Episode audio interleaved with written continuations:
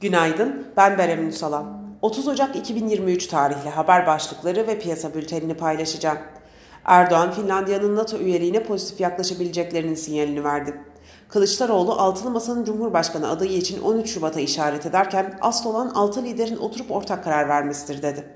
Avrupa Birliği, İran devrim muhafızlarını terör listesine alma hazırlığı yapıyor. Ekonomisini yeniden açan Çin, merkez bankaları aracılığıyla ekonomiyi teşvik etmeye devam ediyor. Dolar FED kararı öncesi darbantta. Çin borsaları ise teşvikler sonrası primli seyrediyor. Piyasalara genel olarak bakacak olursak pay piyasalarında seçime yaklaşırken artan belirsizliğe ek olarak Merkez Bankası'nın karşı taraf olduğu dövizden dönüşlü kur korumalı mevduatlarda faiz üst sınırı kaldırılırken mevduat ve kur korumalı mevduatta artan getiri imkanının da Borsa İstanbul'daki satışlarda etkili olduğunu düşünüyoruz. Bununla beraber bilanço dönemi içerisinde güçlü beklentileri olan ve hisselerin pozitif ayrışmayı sürdürebileceğine inanıyoruz.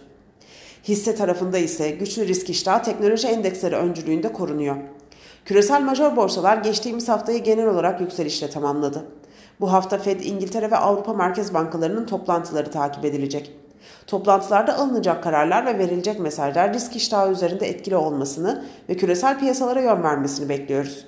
Özellikle çarşamba günkü FED toplantısı öncesi riskli varlıklar nispeten düşük hacimli ve yatay seyredebilir.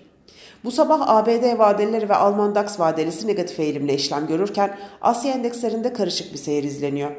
Teknik analiz verilerine bakacak olursak kısa vadede 5060 ve altına gerileme alım fırsatı, 5420 ve üzerine düşük hacimli yükselişler ise trade amaçlı satış fırsatı olarak takip edilebilir.